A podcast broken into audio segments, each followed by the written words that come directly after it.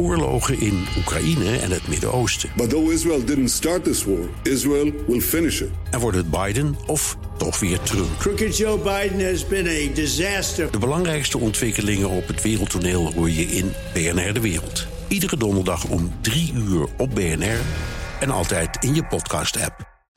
Dat als je mij Uh, afgelopen welkom bij de had gevraagd, Technoloog sorry. 222. We horen Kees Verhoeven al. Ik dacht, ik start er gewoon. Herbert, welkom.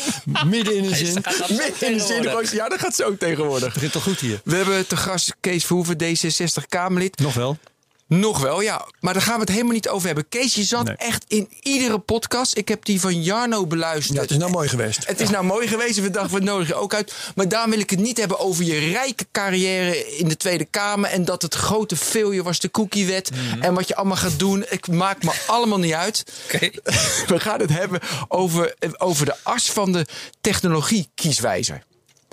Want, Herbert, jij hebt hem gedaan. Nee, ik heb de technologie kieswijzer. Dat doe ik straks nog wel even als jullie praten. Oké. maar wat ik leuk vind, want ik Ja. doe wel andere kieswijzers. Oh, oké. En ik vond het eigenlijk het allergrappigste.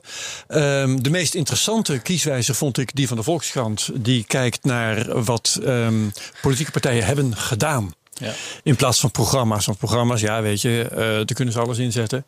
En bovendien gaan ze, als ze al gaan regeren, dan gaan ze in coalities zitten. Daar weet Kees ook alles van. En eh, dan eh, moet er water bij de wijn. Allemaal ingewikkeld. Dus wat hebben eh, politieke partijen gedaan? Daar gaat die kieswijzer van de Volkskrant over. Heel interessant. Wat was het namelijk? Ik zat altijd te denken, als, als er maar niet de verkeerde partij uit de bus komt, hè, dat ik opeens op de. PVV moet stemmen of zo. Nou, ehm, dat bleef mij bespaard.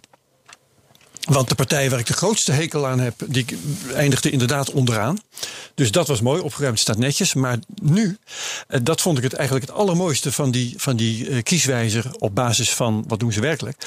Ehm, alle andere partijen waar ik niet direct een gloeiende hekel aan heb, die kwamen in één groot peloton te zitten, vlak bij elkaar. En ook op een volkomen willekeurige volgorde. Waarom een willekeurige volgorde? Omdat bijvoorbeeld, ik ga verder niet direct namen noemen, maar van de kleine christelijke partijen eh, zat er één heel hoog in mijn peloton en één heel laag. Van de socialistische partijen zat er één heel hoog en één heel laag. En zo ging dat door. Dus het was een volkomen eh, willekeurig geheel eigenlijk. Wat mij zegt dat als je ze op hun daden beoordeelt, dan heb je eigenlijk totaal geen houvast. Kees kijkt nu heel moeilijk. Ja, ik, eh, ook hoor. Ik, ik, ik zag wel dat. Ik heb niet goed gekeken hoe zij beoordeeld hebben wanneer een partij wel of niet zijn daden is nagekomen. Maar daar zit natuurlijk gevoelsmatig. Denk, het eerste wat ik denk is. Ja.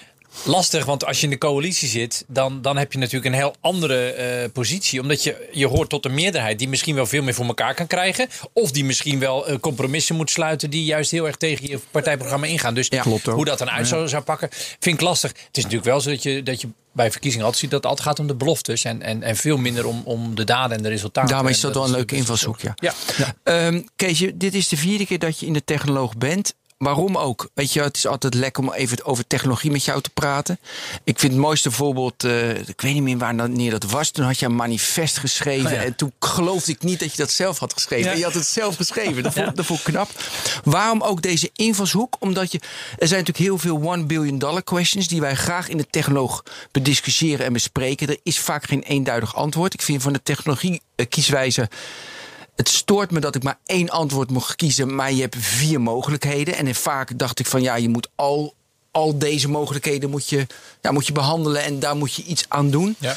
Maar ik denk dat het een aardige aanleiding is om die one billion dollar questions verder te, eh, ja, verder te bediscussiëren. En daarom deze invalshoek.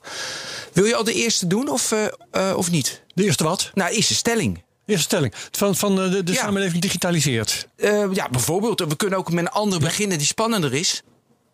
Nee, laten we maar gaan opvolgen. Dat vind ik veel makkelijker. Ja, ja, Oké, ja, vol- ja. ja, volgorde. Oké, dan is het de eerste. De samenleving digitaliseert. Dat biedt veel kansen, maar roept ook vragen op. Een goede uitkomst voor de digitalisering van de samenleving kan het best bereikt worden door. Nou, wat zegt D66?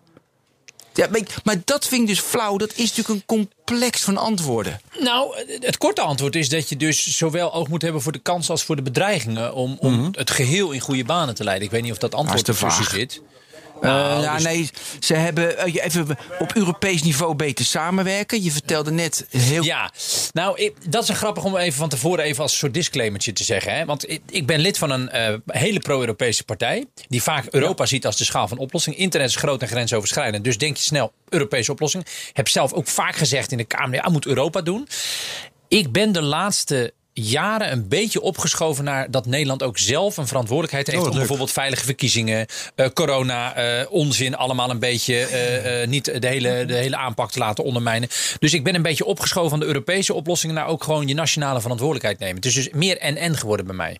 En waarin uitzicht dat? Nou, dat in deze eh, technologiekieswijze eh, eh, heb je steeds vijf antwoorden. Ja. en Ja. één is vaak overwegend Europees. En dat is heel terecht, omdat het nou eenmaal gewoon een logische invalshoek is. Maar ik denk dat ik zelf ook wel eens een keer heb gekozen voor de wat meer nationale benadering. Ja, dan zou die zijn ook de vaardigheden en beschikbare Ja. middelen van de nationale toezichthouders op het gebied van digitalisering te versterken. Nou, Dat- ik denk hier wel, ja. Dat is een echte checks and balances. Hè. Dat is toch het idee van de tegenmacht bieden aan, aan grote ontwikkelingen. En, en twee grote ontwikkelingen zijn natuurlijk overheden die burgers controleren met data. En techbedrijven die geld verdienen met data. Daar moet, daar moet wel iets gebeuren. Ja, maar waar Herbert er moeite mee heeft, is dat de vaardigheden en beschikbare middelen beschikbaar eh, wordt eh, versterken staat. Dan denk ik, ja, dat is zo vaag, vaardigheden en beschikbare middelen. Toch? Precies, maar dat Nou, meer middelen is heel dan? concreet. Geld. geld. Ja, gewoon, autoriteit. De, auto, de Kamer heeft laatst een motie aangenomen na ja. lang trekken en duwen. Eh, Herbert, volgens mij heb jij dat ook wel gevolgd. Autoriteit persoonsgegevens heeft meer geld nodig. Nou, dat is heel concreet. CDA stemt tegen, VVD stemt tegen. En, en de rest van de Kamer zegt, moet je nu eindelijk gaan doen. Minister heeft gezegd, ga ik niet uitvoeren, wacht ik mee. Maar het is een omslagpunt geweest. Dat is heel concreet hoor. Als de AP verdubbeld wordt in, in capaciteit... kunnen ze veel vaker al die privacy-schenders aanpakken. Ik zou dat goed vinden. Ja, dat is wel concreet. Dat is een hele makkelijke. Ja, maar goed, dat staat natuurlijk niet in. Maar oké, heb je Nee, die- maar zo jij er nog dan in mijn ja, hoofd. eh, dus dat is een logisch Maar we gaan wat meer meemaken met deze kieswijzer hoor. Want de, dan? eerste mogelijkheid, hier, nou ja, als je zou kiezen voor op Europees niveau beter samen te werken met andere landen van de Europese Unie, dat is ook ontzettend vaag.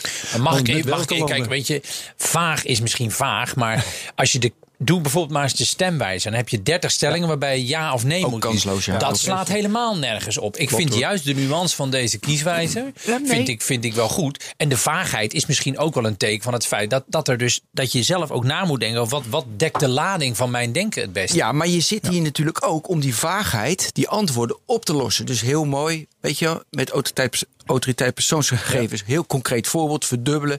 Ze gaan nu naar de 475 man, is het voorstel. Ja. Is het nou aangenomen? eh, of Nee, ja, de motie is aangenomen, maar de minister voert hem niet uit. Jongen, jongen. Eh, die En minister... tegelijkertijd, Kom hè, en dan hou ik op over politiek. eh, van, het kabinet zegt dus een Kamermotie waar een meerderheid voor is voor meer geld voor de autoriteit persoonsgegevens. Schuiven we door naar het volgende kabinet, want we zijn demissionair. Tegelijkertijd vandaag blijkt dat het kabinet stiekem aan het proberen is om encryptie te verzwakken. Terwijl een meerderheid Ja. van de Kamer dat niet wil. En daar gaan ze als demissionair kabinet dus wel mee door. Dus demissionair tegen de Kamer in, prima. Demissionair met de Kamer mee, doen we niet. Omgekeerde wereld. Ik, snap- ben er echt heel kwaad over. En ik ben nog vier weken Kamerlid. Ik snap dat je zit nu eruit bij jullie over de ik zit nu bij jullie lekker in de technoloog. Dus ik voel me nu weer even opgewekt. Maar ik was stront chagrijnig toen ik vanochtend in de trein zat. En dit hoorde. Dat Echt, je nog zo echt, betrokken ik bent. dat is echt wel, heel slecht. Dat is wel mooi. Nou ja, dat is, dat, dat is ook best wel dubbel. Je bent niet meer met de campagne bezig. Je wil gaan nadenken over de toekomst. Maar je bent nog Kamerlid. Ik Ja. ben formeel gewoon nog Kamerlid. En ik heb nog steeds de, de instrumenten en de taken en de verantwoordelijkheid als Kamerlid. Zeker voor digitaal. En jij, en jij zegt nu, Ben, eh, ik snap dat je eh, uit die Kamer stapt, maar Grapje, maar ik zou zeggen, dan moet je dus in de Kamer blijven, want het gaat niet goed zo. Nee, maar je moet niet persoonlijk natuurlijk. Ja, ja, weet je, je moet ook aan jezelf denken. Weet Nee, je, voor je in- gezondheid. eh, eh, 5% van mij zegt. Één uur per dag denk ik. Goh, ik had misschien toch moeten blijven. Had ik nog vier jaar lang digitalisering en technologie en kunnen baan, goede banen kunnen leiden. Op basis van mijn ervaring. Maar 95% zegt. Ik heb het 11 jaar gedaan. Ja. Keihard gewerkt. Het, Ja. punt op de agenda geduwd. En het is ook tijd voor een andere rol in de samenleving. Is ook waar. En tijd voor andere mensen om dit nou over te nemen. Ja, en ik, ik moet ook niet een soort van messias zijn die dit zijn eentje moet Ja, of, trekken. of toch? dat de samenleving gaat denken, het is eigenlijk alleen Kees Verhoeven die dit kan. Want zo is het natuurlijk ook weer niet. En zo is het zeker niet. We hebben, we hebben Katelijne eh, Buitenweg, eh, Jan Middendorp, Chris van Dam, eh Ja, Jan Farid Middendorp stapt ook op. Ja, en eh Katelijne Buitenweg helaas ook. Dus er valt wel een gat. Alleen dat gat kan ook weer opgevuld worden. Mits er intrinsieke passie is voor het thema. Ja, Zoals bij jullie. De ja technoloog. nee, maar wij worden geen vijf jaar Kamerlid. Nee. Wij kijken wel uit. Wij- Ja, jullie kijken wel uit, ja. Oké, eh, dus die minister van, van Digitale Zaken spreekt voor zich in dit kader. Logisch, daar hoeven we niet eens over te hebben. Nee. Eh, meer ruimte aan de markt geven. Er is nu te veel overheidsbemoeienis. Dat vond ik wel leuk in die wijze dat het altijd aan die helemaal aan de rechterkant staat. Iets dat best wel bizar is. Zullen we naar de volgende gaan? Ja, zeker. Ja, zeker. want. Deze hebben we overheid. Overheid maakt steeds meer gebruik van digitale diensten als DigiD. De overheid kan de digitale dienstverlening van aan de burgers en ondernemers het best verbeteren door. Ja. Ja. Vertel ik, maar. heb, ik heb een keus, maar... Kees. Ja, ik heb de, ik heb de stellingen niet. Hè, dus Oké, uitsluitend. Nou, dat hoeft niet. We kunnen ook, ik, kan- ik kan ook zeggen hoe ik denk dat moet. Ja, precies. Even- ja, dat vind ik wel leuk. Zeker. Maar de- het gaat om het verbeteren van de diensten. Ja, eh, de overheid kan de digitale dienstverlening aan Ja. burgers en on- ondernemers Nou, ik denk dat daar het, woord- sleutelwoord toegankelijkheid is. Eh, Toegankelijkheid. de- ik, ik, denk dat, ik, ik denk dat het probleem is dat veel burgers eh, niet in staat zijn om alle digitale diensten op een, op een, op een goede manier te kunnen gebruiken voor hun eigen situatie. dus dat is toegang en betrouwbaarheid. Ja. Dat is twee. Uitsluitend werken met toegankelijke, transparante en privacyvriendelijke systemen. Ja. Hey, die, eh, daar hebben we natuurlijk ook heel vaak over gehad hoe dat er dan uitziet. Weet je, over mijn overheid, die ik trouwens best wel prettig vind. Ik heb afgelopen week verschrikkelijk zitten lachen over de Belastingdienst.nl. Weet je hoe laat ik de belastingaangifte van mijn vader heb gedaan? Om tussen drie en vier uur 's nachts. Want toen kwam ik erin. Ik wilde het precies. Ik, Maar dat was vandaag ook eh, in het nieuws, begreep ik. Dat Ja, de is nog- belastingwebsite al vier dagen totaal is er nog steeds is. plat nu? Ja, nou moet je nagaan wat dat betekent voor het vertrouwen van mensen. Hè? Dus je hebt Ja, ja, ja, ja. belastingdienst, Ja. toeslagenaffaire en zware straffen, coronaschulden, even hè? En dan een website die plat ligt. Moet je eens nagaan wat dat met mensen doet, hè? Ja, en terecht hè? En stel je voor, als, als eh, door een platliggende website mensen lang genoeg niet in staat zijn om aangifte te doen, dan krijgen ze boetes, want dan treden er allerlei automatismen in werking. Ja, Herbert, want er staat wel bij, je moet het wel voor 1 mei indienen. Ja, Dus weet je, dat vind ik ook zo grappig. dat kan niet. Maar nu al de vierde dag, joh. Ik, ja, ik had het vandaag gemist. Maar Nee, dat- ja, maar het, het schijnt echt structureel een probleem te zijn. En eh, het is nu het belastingsseizoen natuurlijk, dus iedereen is nu aan het proberen. Ja, hey, maar even gewoon de oplossing. Hè. Dus uitsluitend eh, toegankelijk, transparante privacy. Dat kan, om de toegankelijkheid. Maar we, we gaan nu gelijk naar de failures bij de overheid. Dat moeten we niet misschien doen. Maar ja, dat is. Want die is ook een antwoord staat. ICT-contracten op te splitsen tussen voor gespecialiseerde aanbieders. Zodat de looptijd en kosten van de ICT-projecten niet uit de hand lopen. Ja, maar dat is, de, eh, dat- is natuurlijk een, een iets specifiekere gericht op, op de manier waarop de overheid inkoopt. En zichzelf afhankelijk maakt van een aantal hele grote aanbieders. Die, die Ja. natuurlijk een bepaalde manier van Daar hebben commercieel we het ook werk vaak hebben. over gehad. Vaak over gehad. En is ook nog steeds een probleem. Dit is een van de onderwerpen waar ik eh, geen verandering heb eh, kunnen krijgen. Is interessant op dat gebied. Er is een, eh, een, een, een, man van een bedrijf Media Monks. Die heeft laatst op LinkedIn een, een, een soort pamflet neergezet. Ik heb hem gelezen. Eh, ik, Hoe Victor, Knaap. Victor Knaap heet hij. ja, ik heb, Victor Knaap. En hij heeft een pamflet van negen pagina's. Ik, hij heeft mij ook een keer gebeld en ik heb met hun eh, gespart. En ik vond dat hij had vijf aanbevelingen. En één was knip die aanbestellingen nou eens op. En dat vindt de Kamer al tien jaar. En elke keer mag, wordt dan gezegd, je mag niet zeggen opknippen. Je moet ontclusteren. Dus je moet niet het grote bij elkaar voegen. Maar opknippen mag niet, want Europese regelgeving. Maar het, het, het kleiner en behapbaarder maken van die aanbestedingen is, is belangrijk. Nou, hij zit in mijn, eh, Ja. in, eh, in mijn eh to know mapje. En inderdaad, hij zit in opknippen. Hij zit in die vijf aanbevelingen. Ja.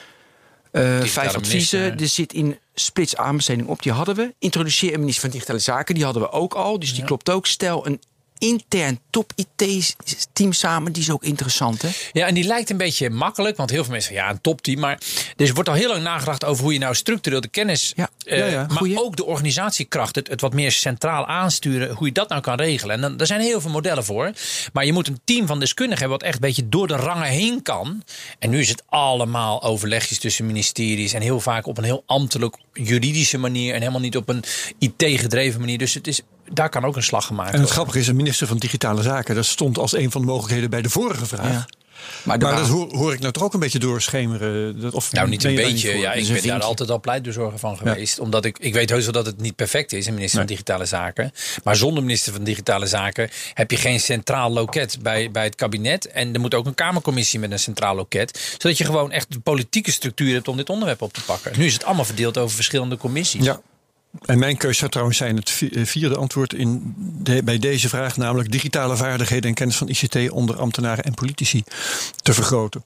Ja. Eh, politici is in dit geval natuurlijk voor eh, ICT-contracten is het niet rechtstreeks relevant, maar bij ambtenaren natuurlijk wel. Ja, je moet Als- weten wat je koopt of wat je nodig Ja. hebt. Ja. Grappig. We hebben het natuurlijk vaak hierover gehad. Of, of de kennis, de laatste tijd was het de kennis bij de overheid is niet, vo, is niet voldoende. Dat, weet je, dat is een beetje een cliché. Weet je, vind ik een beetje een open deur. Weet je, ik vind dat te makkelijk. Is het ook? Want als ik kijk naar jou. Nou ja, dan- dan- het is heel makkelijk om te constateren, maar het is Ja. wel degelijk een hele essentiële kwestie. Ja, en ik denk dat het voor ambtenaren weer anders is. Maar ik heb altijd, ik ben geograaf. Ja. Ik heb geen relevante studie gedaan. Mijn vrienden die vonden mij tot een paar jaar geleden altijd echt een digibeet. Eh, maar ik heb gewoon brain trust gedaan. Dus ik heb gewoon, ik had een medewerker. eh, eerst Edo Havenman, nu Marijn Vliet. En daarna nu Olivier Smit. Drie fantastische jongens gehad. Die mij altijd perfect geholpen met het dossier. Allemaal mensen die mij op Twitter reageerden op mij. Mij uitnodigden. Bij me langs wilden komen. Ja. Me corrigeerden. Boeken, artikelen. Ik heb er gewoon uiteindelijk gewoon zelf heel veel over gelezen. En, en, en, mensen geholpen. Nou, autodidact Nou ja. vind ik altijd een beetje borstklopperij term. Ik ik heb gewoon heel veel mensen gehad die me geholpen hebben. Ja. En dat kan ieder Kamerlid. Ja. Even nog de vierde heeft die zorg voor controle. Weet je, dat heb je natuurlijk al eh, met de commissie Elias, die de, weet je, de, dus de 10 regels en Ja. stel gebruik centraal. Dus natuurlijk ook een open deur. Logisch, stel gebruik centraal. Maar goed, het, waarschijnlijk gebeurt het niet. Nee, Of ja, het is een beetje een Ja, open deur. een open deur die je dan wel door moet lopen. Eh, en, en, en ik denk dat de gebruiker nog steeds niet centraal staat. Dat is een van de moeilijkste dingen natuurlijk om vanuit mensen te redeneren in plaats vanuit je eigen eh, organisatie. Ja. Dat zie je bijvoorbeeld. Weet je wat ik een mooi voorbeeld vind Nou. van de gebruiker centraal stellen? Er was een tijd, dan kreeg je vergaderstukken toegestuurd per post. Vroeger, heel lang geleden. En op een gegeven moment gingen ze het dan via de mail toesturen. Wat betekende dat eigenlijk? Dat je zelf je stukken moest uitprinten. Ga- dat is een, nou, dat- is een dan is het een digitale oplossing. Maar het is een digitale oplossing voor de verzender, niet voor de ontvanger. Want die moet ineens zelf zijn stukken gaan uitprinten. Je had toen nog geen laptops die je meenam naar de vergaderzaal, waarbij je gewoon digitaal door die stukken heen scrolde. Dus eigenlijk was het alleen maar: wij printen ze niet meer voor je uit en we doen ze niet meer door een envelop. Nee, dat moet je voortaan zelf doen en je neemt ze in een mapje mee. Dat is heel grappig. Dan stel je niet de gebruiker centraal. Nou, dat gebeurt. Dit is een voorbeeld, hè? Ja, ik- Eh, ben, je zit er naar me Nee, te kijken. ik ik vind het grappig dat je dingen met dit Maar ik probeer het voorbeeld al een beetje concreet, hè? Ja, dat is heel concreet, ja. En zo zijn er heel veel van die verschuivingen. Van joh, als jij het nou even doet onder het mom van digitaal. Dan ben ik er lekker vanaf. Dus ook met alles in de wacht zetten. Ik had laatst weer iets Ja, met, ja, met ja, ja. mijn... eh, mijn- Om, u, mijn- om, om u mijn- beter van dienst te kunnen zijn. nou ja, om u beter, ik, had, ik heb laatst anderhalf uur in de wacht gehangen bij de leverancier van mijn drie eh, routers. Die, die ervoor zorgen dat ik op elke verdieping eh, wifi heb. Anderhalf uur in de wacht. En toen kwam ik eindelijk aan de beurt. En toen zei ze, ja, je moet even dit en dit. Je moet de foto van het serienummer maken. Toen konden ze me dus gewoon niet helpen. Het enige wat ik wil is gewoon even praten over. Goh, kan het misschien aan mijn verbinding liggen? Kan het misschien... Want ik, ik, ik kon het er gewoon niet. Ik kon, ik kon niet vinden waar het mis Ja, dan zit je anderhalf uur in de wacht. Volstrekt belachelijk. Ja, volstrekt belachelijk. Oké, dus welke hebben we nu? Eh, jij zegt toegankelijk, transparant, private. Kees, Koos, ja. Nou ja, we hebben natuurlijk allemaal. Ja, ik, ik ben hier wel klaar mee met deze. Ik wil naar de, naar de volgende. Maar dan moet ik natuurlijk wel waar die zit. Want ik was net naar dat mapje gegaan.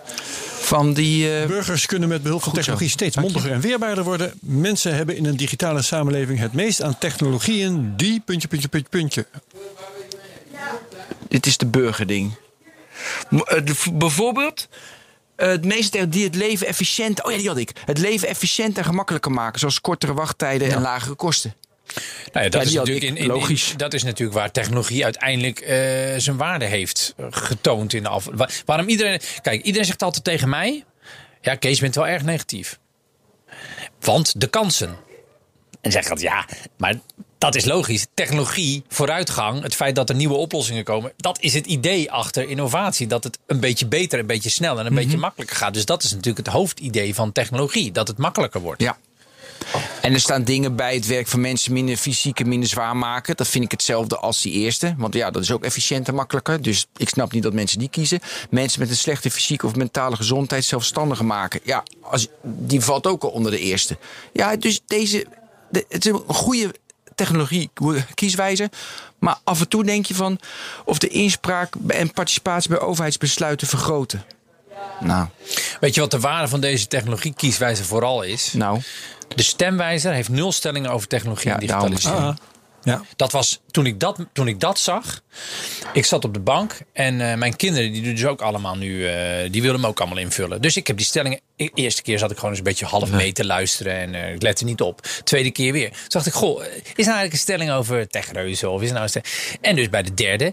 En weer, nou, dus toen- ik ging toen even zelf bekijken en ik heb gewoon aan even snel doorgeklikt. Nul stellingen over technologie en digitalisering. Nou, dat vond ik echt absurd. Dat vond ik ondenkbaar. En die technologie-kieswijzer heeft 17 stellingen over dit onderwerp. Dus in die zin is het in ieder geval een kieswijzer die aan het denken zet over dit onderwerp. Ja. En dat een Klopt. kieswijzer niet perfect is, Zoals dat is een altijd. gegeven. Ik wil heel snel naar vier. Vier is meedoen, dat iedereen digitaal vaardiger moet zijn. Eh, hoe gaan we dat doen? En dat vind ik logisch, het recht Nou ja, op iedere... eh, eh, van, vanaf jonge leeftijd daar echt Dat onderwijs. onderwijs.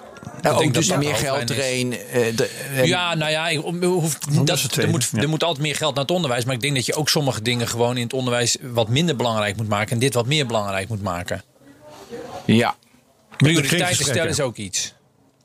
Ja, er staat ook gratis servicepunten. Er is ook weer eentje gratis servicepunten in te richten voor mensen die minder digitaal vaardig zijn. Ook prima. Ga je naar de bibliotheek, iemand legt het uit. Nou, eh, vind ik wel, vind ik wel goed hoor. Er zijn wel 2 miljoen mensen die, die echt wel hulp nodig hebben bij het gebruik van bepaalde systemen. Als je die gewoon, als je die een plek biedt waar ze eh, gewoon even kunnen vragen van hoe werkt het. Ja. Dat is een leuk vrijwilligersbaantje. Ah, jongen, de hele, de hele straat bij mij. eh, ja, nee, maar al- allemaal oude mensen. Komen ze bij jou langs dan? Ja, dat is drama ja, tuurlijk. Het is dramatisch voor ze. En vaak is het, is het echt te simpel voor woorden, maar het is echt paniek. Grote paniek. Nou ja. Ik heb echt medelijden. Ja, Nee, maar dat is dus heel belangrijk.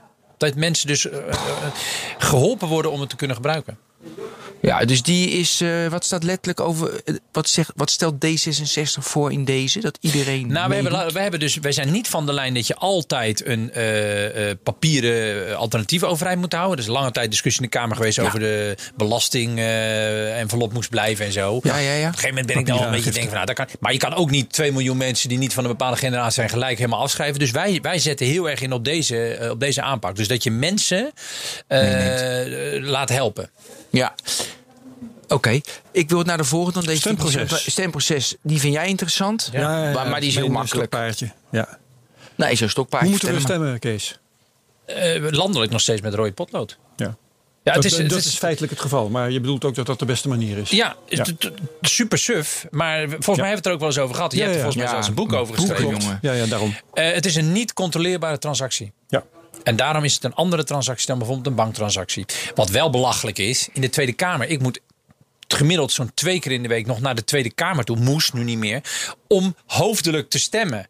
En dan moet in coronatijd, dus in drie shifts van 50 Kamerleden, moesten we allemaal wachten en dan moesten we stemmen. Dat kan natuurlijk wel gewoon met een knopje. Dat Ja. is door eh, de voorzitter, die heeft gezegd van ja, wij- ik wil dat niet, want ik vind echt dat de leden in het parlement aanwezig moeten zijn voor hoofdelijke stemming. Maar ik dacht van joh, je kunt vanuit huis in coronatijd prima, al app ik het, weet je wel. Ja, ja. Want er Bedoel, is geen ik- stemgeheim. ik- en, en iedereen die laat iedereen zet op Twitter wat ik gestemd heb. Ja. Dus eh, da- da- da- waarom moet ik dan in hemelsnaam een uur heen en een uur terug alleen voor stemmen? En dan vaak ook nog s'nachts. Nou. Dus die stem kan je wel digitaal doen, maar de, de geheime stem van de burger, ja, eh, je, je hebt geen controleerbare transactie. Nee, overigens, eh, eh, dat stemgeheim is dan geen bezwaar. Maar ehm, we hebben bij het CDA nu een paar keer alweer gezien Ja. dat dat digitaal stemmen.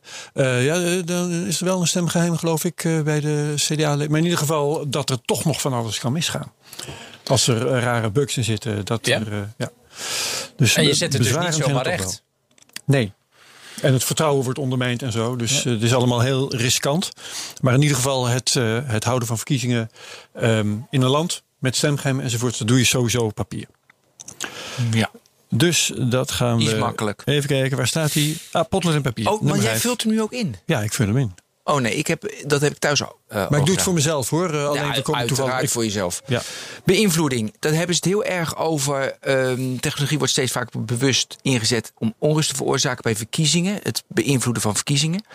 Eh, dus dat is de vraag. eh, hoe, ga je dat tegen? Hoe ga je dat tegen? Het is een van de moeilijke vragen van nu, hè? Ja. Een belangrijke vraag van Ja. Ja, want dan krijg je namelijk met desinformatie. en- Censuur. censuur. Dus er zitten. Ja, hoe ga je fake news tegen heel veel. Hoe ga je fake news? Ja. Dus de, hier moeten we denk ik iets langer. En bij hier moeten, de, hier moeten de, de, de, de techbedrijven inhoudverantwoordelijkheid weer gaan nemen. Ze hebben het advertentieverdienmodel. Dat is leidend. Commercie is nu leidend. En dus met opruiende, polariserende content zoveel mogelijk advertenties verkopen. Dat is het verdienmodel.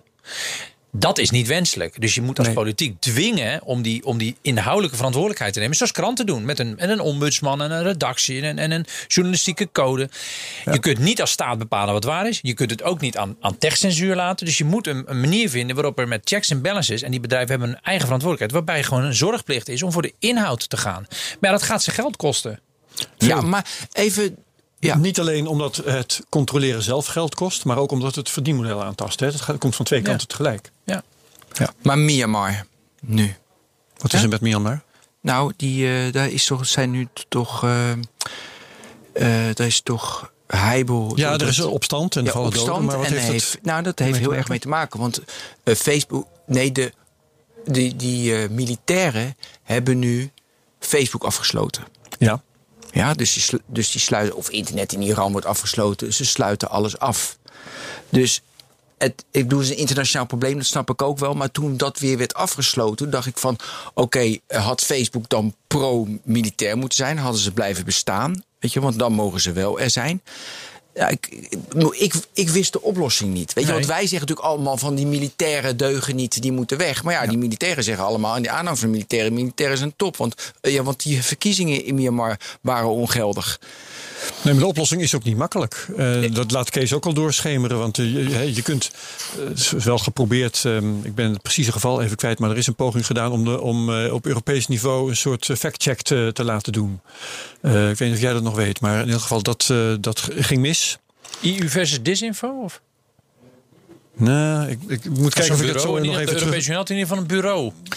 Ja, in elk geval, er, er werden toen opeens eh, eh, werd, werd redelijk dubieuze informatie tot waar uitgeroepen. Ik, ik zal kijken of ik het zo kan terugvinden. Maar in ieder geval, ehm, je wilt niet eh, de overheid, zei je ook al, laten bepalen wat waar is. Je wilt ook niet een particulier Nee, bedrijf precies. laten bepalen wat waar is. Daarom zei jij checks en balances. Een commissie heeft hoe het Facebook in het leven Maar heb, heb geroepen. jij daar eigenlijk een, een idee, een, een, een richting voor? Hoe je, ja, wat is hoe je een systeem met checks en balances zou kunnen optuigen? Nou, de- de- je moet dus de, de, je moet als politiek er, er- ertoe dwingen dat die bedrijven hun verdienmodel aanpassen en een redactionele inhoudelijke verantwoordelijkheid nemen. En als Ja. ze dat niet doen. Maar is dat iets anders dan bepalen wat waar is? Want ja, die want kant je- gaat het dan. dat is dat, dat je zelf zegt: dit moet je eraf halen en dat mag erop staan. En dan krijg je dat, Dat het gebeurt aan het politiek regime. Ja, maar niet door de overheid, door het gebeurt door Zeker, ja. Dat is gebeurt door slecht. Techbedrijven. Kijk, wat die techbedrijven nu doen is heel lang het laten gebeuren. Een beetje wegkijken. En op een gegeven moment ontstaat er dan echt ophef. Onhoudbaar. Maatschappelijk, politiek. Of bedrijven zeggen we stoppen met sponsoren. En, of met inkopen van ads. En dan, eh, en dan gaan ze het ineens weghalen. Dus ze kiezen heel selectief hun kijk ons is goed doen moment. Ja. En dat vind ik heel slecht. Dat is techcensuur. Dat is Ja. opportunistische censuur. Heel lang Eh, niks lang tegen en dan- Trump en ja, dan lekker verdienen. De kassa loopt weg. wel. En dan te- Terwijl als de overheid gaat doen, dan krijg je het gevaar dat, dat op een gegeven moment... ja, oké, eh, dit was echt fake nieuws. Maar het is eigenlijk ook niet wenselijk dat we over dit onderwerp dit zeggen. En dan krijg je natuurlijk dat hele gevaar van dat, dat, dat je bepaalde dingen niet meer kan zeggen. Dus de, je hebt, nou, en dat is ook hoe de journalistiek werkt. Een journalistiek eh, podium, een programma, jullie, eh, een krant... kan bepalen om een opiniestuk wel of niet te plaatsen. Een gast wel of niet uit te nodigen. En, en, en daar moet dan vervolgens weer verantwoording over afgelegd worden. En dan heb je checks en balances. ja, Ja, maar dan heb je discussie. En dan Juist, moeten ze uitleggen. En dan eh, komt, eh, hoe heet die Thijs van de Brink? Ik had een keer op gezegd, gezegd eh, die, die uitzending met Willem Engel, was sloeg dat op, weet je Juist, wel. Nou, daar had ik over getwitterd. Nou, hè, toen kwam Nou, Thijs van de Brink, die kwam gelijk. Ja, zei hij, maar wij doen het, want het is mijn verantwoordelijk. Nou, ik vind Thijs van Brink een vakman, ik vind een goede journalist. Dus hij legde dat aan mij uit en ik nog een keer terug. Hadden we discussie over gehad. Ik respecteer zijn rol, eh, maar ik mag ook gewoon als politicus het een beetje vreemd vinden dat er allemaal... Hij, die, die man die verkondigde gewoon dat het, eh, dat het uit een laboratorium Ja, kwam. nou, dat, eh, dat, dat, dat vond ik echt wel ver gaan. Dus Ja. daar, daar heb je dan een discussie over. En dat is goed. Dan heb je checks en balances. Ja, dus die, eh, die artikel 230 in Amerika die zegt van eh, dat Facebook en Google niet verantwoordelijk zijn voor de inhoud. Dat is, dat is een probleem. Dus jij zegt die moet worden geschrapt. Ja, die zou je moeten schrappen. Je zou ze echt die verantwoordelijkheid moeten geven. Ja, zeker. Dat, dat idee van wij zijn maar een platform waar heel veel eh, Ja. goud en geld. en- censuur, hashtag censuur. eh, Ja, we, je zijn, gelijk. nee, maar we zijn maar een platform. Wij zijn maar een facilitator. Wel, hè? Het miljardenbedrijf van de wereld. Hè? En, en dan vervolgens wel gewoon eh, dat laten gebeuren. Dus mega machtig zijn aan de ene kant. Met, met monopoliemacht, concurrenten Ja. opkopen, belasting ontlopen, mensen onderbetalen, geen auteursrechten betalen. Je een hele lijst op basis van hun macht dat ze zich allemaal kunnen permitteren. daarmee vervolgens, en vervolgens pom, pom, pom, pom, pom. Op het moment dat er, dat er allemaal gebruikers helemaal losgaan. Ik vind dat niet kunnen. Ja, en dan kom je natuurlijk in de slangenkuil van lobbyisten, van uitstellen, Ja, lobbyisten van Facebook en Apple en, en, en, en Google, die zitten Ja, dik daarom. in Europa. Ja, da- daarom. de Dus Tweede daarom Kamer eh, valt het nog wel mee. Ja, dat denken jullie. Nou nee, want ik ben Kamerlid en ik weet, ik weet het. Nee, Dus- maar ja, je weet toch helemaal niet wat voor achterkamerspolitiek uiteindelijk misschien die dat ze in mensen het jou- kabinet, eh, misschien zijn zitten. Herbert en ik wel... eh, Ja, is nee, nee oké. Sponsored Dus- by. We Oké, de maar, maar goed, dus dat, daarmee hebben we die, gaan we niet uitleggen. We hebben het heel vaak over gehad over de DSA en, niet. en, en de DMA. Dus dat hoeven we nu niet te doen, want dan gaan we het weer halen. Die twee wetten Ja? zijn hele goede. Ja, nee, ik- nee, ik vind het een heel goed begin. Ja, maar we gaan het niet halen, want we hebben het heel vaak gedaan. Wel dat verdienmodel. Want je zegt van, dat, dat, dan kom je dus ook in die slangenkuil Op terecht. basis van ophef, ja. Ja, weet je, dat, dat, is, dat wordt ook lastig hoor, dat verdienmodel van ze aanvallen. Ben, ehm, de uitersten zijn heel helder. Hè?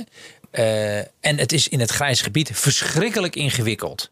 Maar wat we nu hebben is geen goed systeem. Begin daar nou eens een keer mee. Mensen zeggen altijd als je met een oplossing komt, zeggen ze altijd: Nou, is wel een lastige oplossing. Want er zit hier een haakje en er zit daar een oogje en daar een scheurtje en daar een krasje. En ik zeg, wat we nu hebben is gewoon slecht. Het is gewoon een model waarbij Eens. je mensen tegen elkaar opzet en er geld aan verdient. Ja.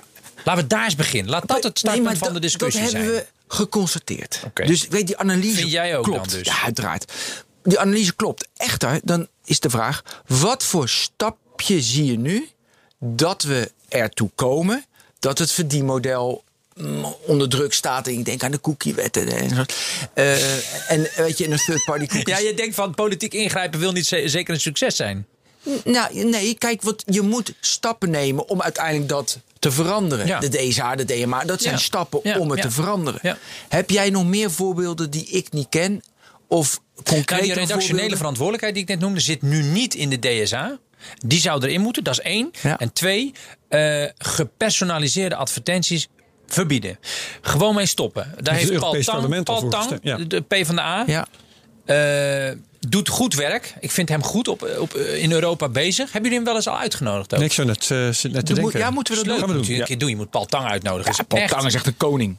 Nou, is best wel een, hij is wel de koning van het aanpakken van de gepersonaliseerde advertenties in het Europese parlement. Absoluut. En hij heeft nu weer een petitie gestart daartegen, volgens mij.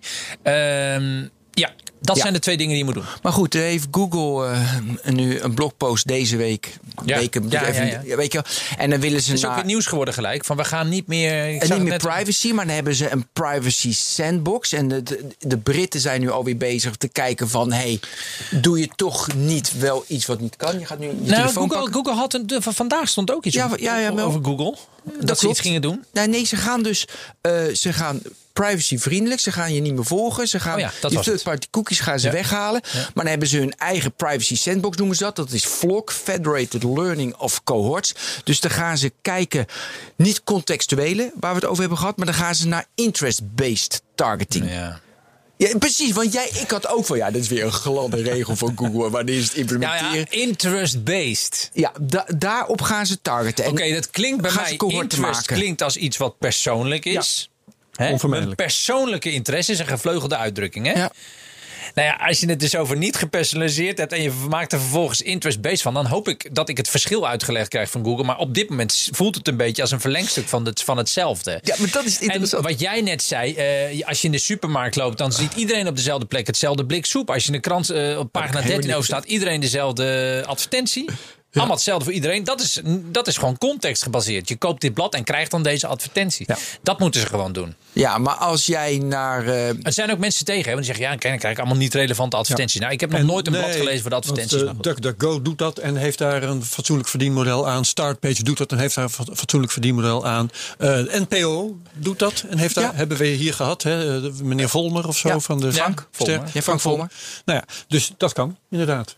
Ja. Hè, waarom zou Google dat niet kunnen doen? Waarom zou dat Facebook het dat veel niet kunnen minder doen? verdient. Het is veel minder effectief. Eh, Het punt van Daarom- Volmer was dat het niet zoveel scheelt. Maar goed, dan verdienen ze maar wat minder. Het is, er zijn onderzoeken eh, waaruit blijkt dat het inderdaad gewoon eh, eh, helemaal niet zoveel meer, meer oplevert, die gepersonaliseerde advertenties. Alleen Ja. ze, ze gebruiken die, die data ook niet om hun advertentieverdiensten op. zeggen? Ze willen zorg, onderwijs, ze willen al die markten op. Ze willen Nou, het- overal in. Het verdient in zo. Dat, dat is tenminste het verhaal zo- zoals ik het begrepen heb. Het verdient in zoverre meer dat. eh, het fenomeen gepersonaliseerde advertenties is beter te verkopen aan adverteerders, omdat die daarin geloven. Oh, dat, dat zou ik nog heel dat goed weer wel. Ja, interessant. Niet dat het meer oplevert voor de Nou, het adverteerders, levert, en maar dat, het- dus ze het levert, meer, het levert meer wellness op bij adverteerders. En het levert dus meer data op om je op andere markten te Ja, begeven. maar Herbert, herinner even eh, Thijs Roes Facebook-campagnes. Ja. Met zijn event. Nou, eh, dat is gewoon op de persoon target hoor. En dat werkt als een tierenlier. In dat geval werkt het wel. Dus dat Ja. is.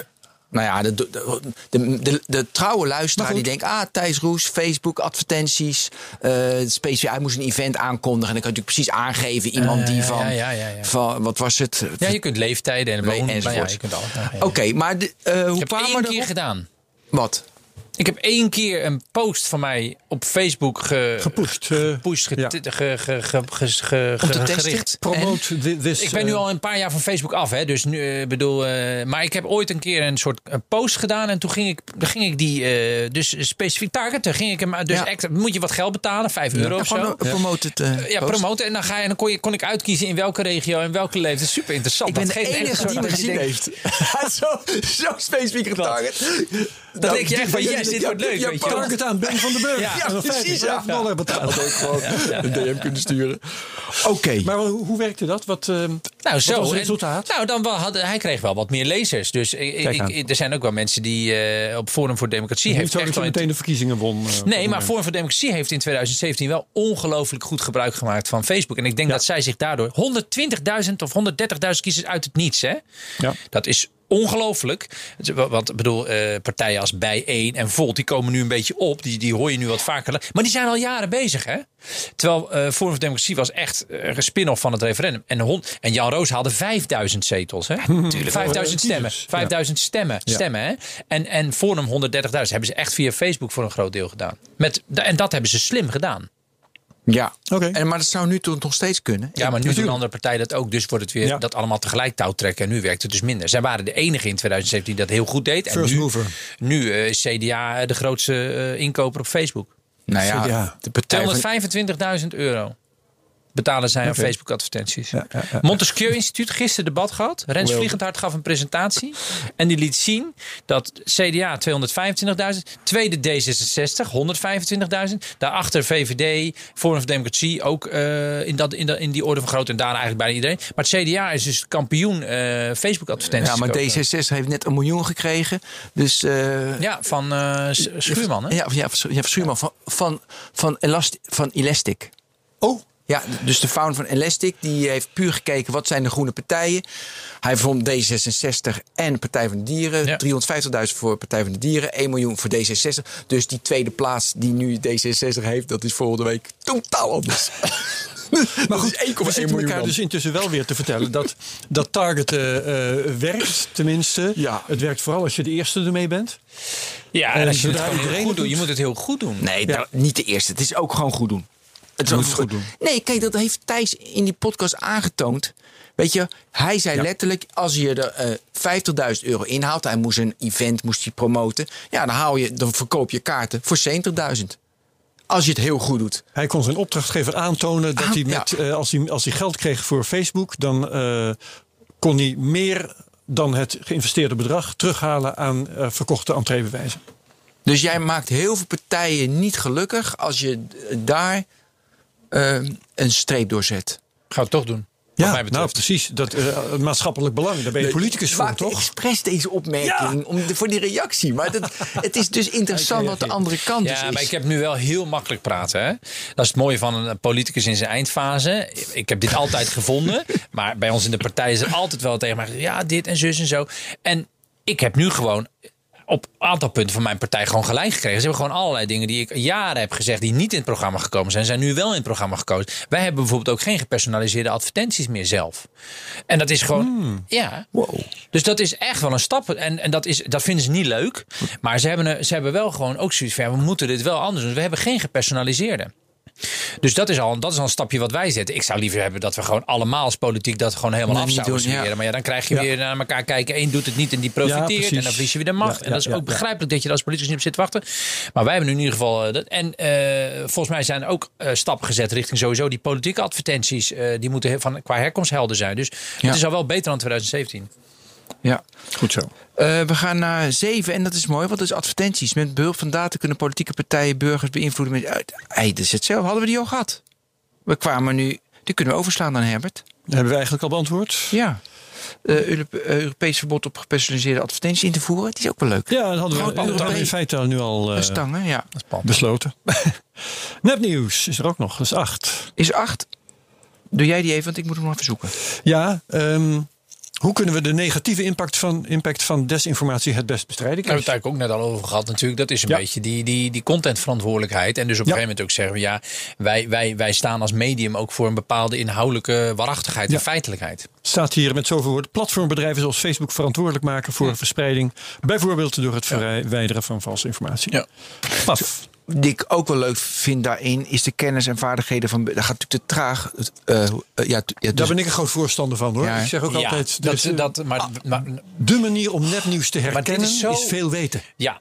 Ja, ja, ja. ja, en nee, dit is denken dat iedereen een rationeel eh, denkende mens is. En zo is de mens niet. De mens is een biochemisch, emotioneel, irrationeel wezen. Ook jij denkt, ik ben slim en ik laat me niet beïnvloeden door reclame. Maar je laat je wel beïnvloeden door reclame. Is Uit allerlei onderzoeken geweest. Er is meer nodig dan bewuste rationele kennis. Ja, nee, er is meer nodig En dat dan is dus dat. een maar verdedigingssysteem van de overheid een beetje kennis is wel noodzakelijk. Zeker.